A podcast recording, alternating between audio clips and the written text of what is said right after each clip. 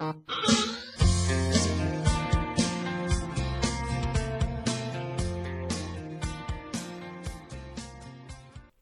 is Goed Gedacht, de podcast van Chris Taas.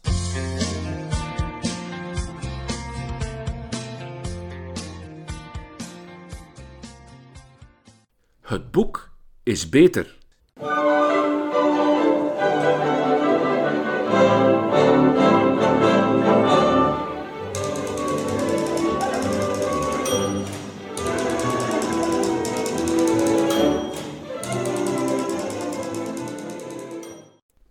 Vandaag taal als manipulator.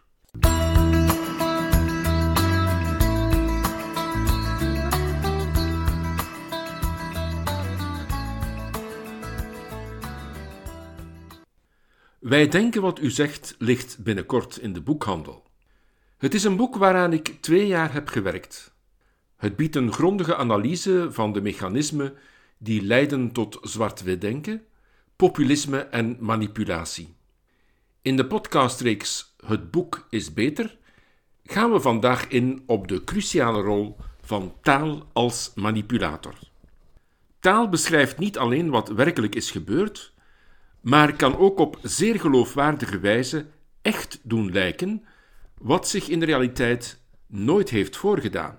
Dat is het basisprincipe dat demagogen, samenzweringsfantasten en populisten zonder enige scrupule gebruiken om hun wensdromen of angstvisioenen als realiteit voor te stellen. Ze zijn de predikanten van een alternatieve werkelijkheid waarbij feitelijkheid ondergeschikt is aan doelgerichte effecten. Rechercheurs bij de politie merken in dat verband op dat wanneer mensen toestanden of omstandigheden verzinnen, ze telkens overmatig veel details opsommen, wat wijst op de mentale overdrive om de werkelijkheid aan te passen aan de versie die ze als reëel willen voorstellen. Het menselijke geheugen is in normale omstandigheden niet bijzonder nauwkeurig. Wanneer men fictie als werkelijkheid wil nabootsen, maakt men daarom vaak de fout al te veel details te verzinnen die men in normale herinnering niet zou kunnen beschrijven. Om de waarheidsgetrouwheid van een bericht te kunnen beoordelen, is allereerst de metacontext van belang. Verwacht u een roman een gedicht, een gebruiksaanwijzing of een vlammend pamflet. Dat scheelt. Verder zijn ook belangrijk de concrete berichtcontext, het vertelperspectief, de controleerbaarheid van gebeurtenissen en waarnemingen, de geldigheid van de argumentatie en de verifieerbaarheid van beweringen die worden gepresenteerd. Niet alle mondelinge of schriftelijke weergaven van de werkelijkheid zijn bewust gemanipuleerd. Zo maken historici het onderscheid tussen het verleden, namelijk wat gebeurd is, en de geschiedenis, namelijk wat mensen zich herinneren van wat zich heeft voorgedaan. Geschiedkundige feiten worden immers doorverteld of opgeschreven. In beide gevallen is taal het middel om gebeurtenissen weer te geven en is de gereconstrueerde werkelijkheid afhankelijk van de taalmogelijkheden en het talige talent van de rapporteur. Niet alleen wat er precies gebeurd is en de al dan niet scherpe herinnering daaraan bepaalt dus de geschiedenis van een gebeurtenis, maar ook de vorm, de taal, de woordkeuze, het medium en het format waarin de beschrijving gebeurt. Men moet zich ervan bewust zijn dat taal in veruit de meeste gevallen de weergave van de werkelijkheid vervormt of minstens interpreteert. Alleen wanneer de gehanteerde begrippen volstrekt objectief zijn en slechts op één manier kunnen worden geïnterpreteerd, is taal louter beschrijvend. In geformaliseerde wetenschappelijke formules is dat vaak het geval. 2 plus 2 is 4.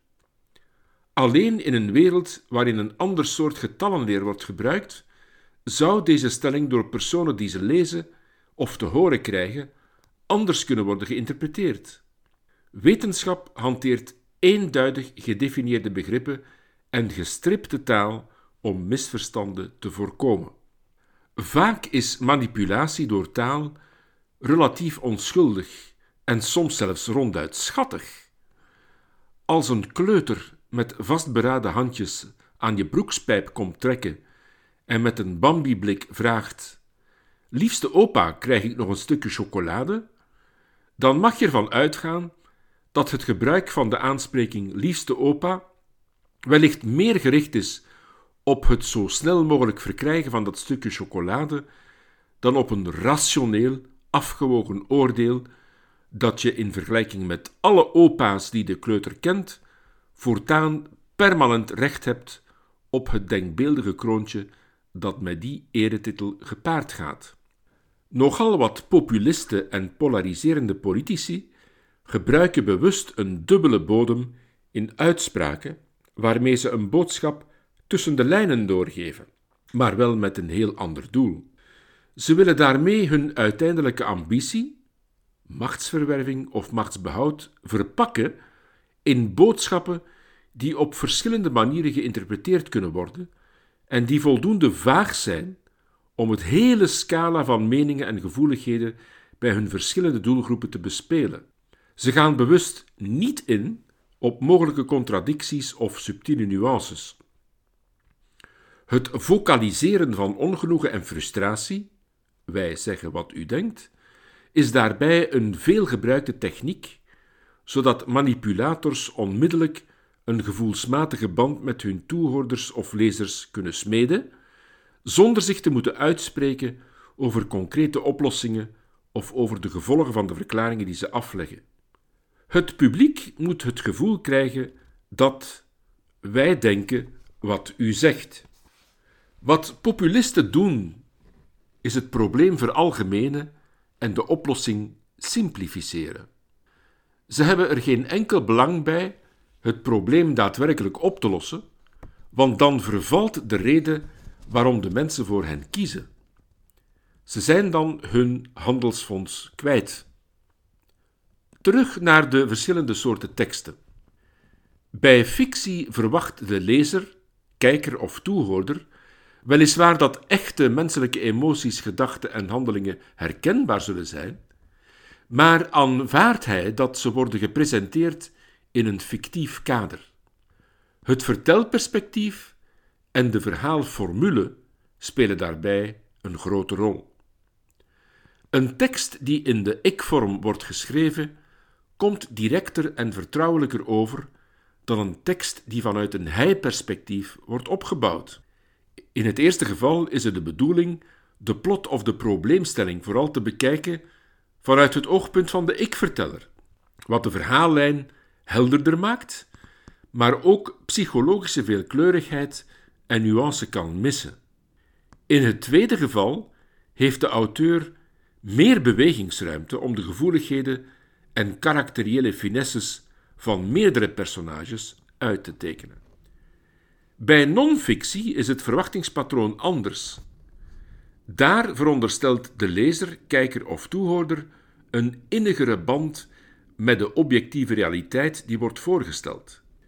Die band hoeft niet per se objectief te zijn, maar de beschreven feiten en gebeurtenissen moeten wel als dusdanig worden erkend en benoemd.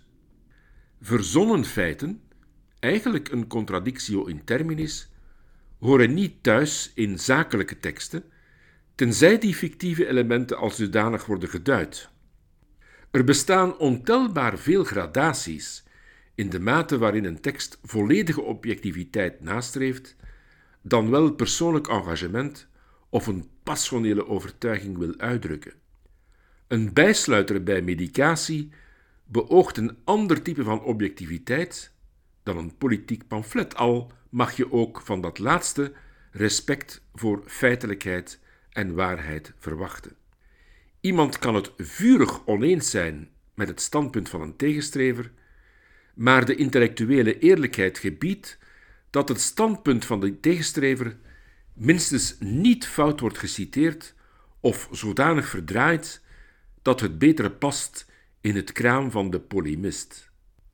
In een pillendoosje verwacht je geen cartoon, in een doctoraal proefschrift geen ongecontroleerde internetrommel en in een nieuwsflash geen vierkantsvergelijking. De spelling van gesloten lettergrepen leer je een zesjarige ook met andere voorbeelden aan dan een anderstalige die op volwassen leeftijd Nederlands wil leren.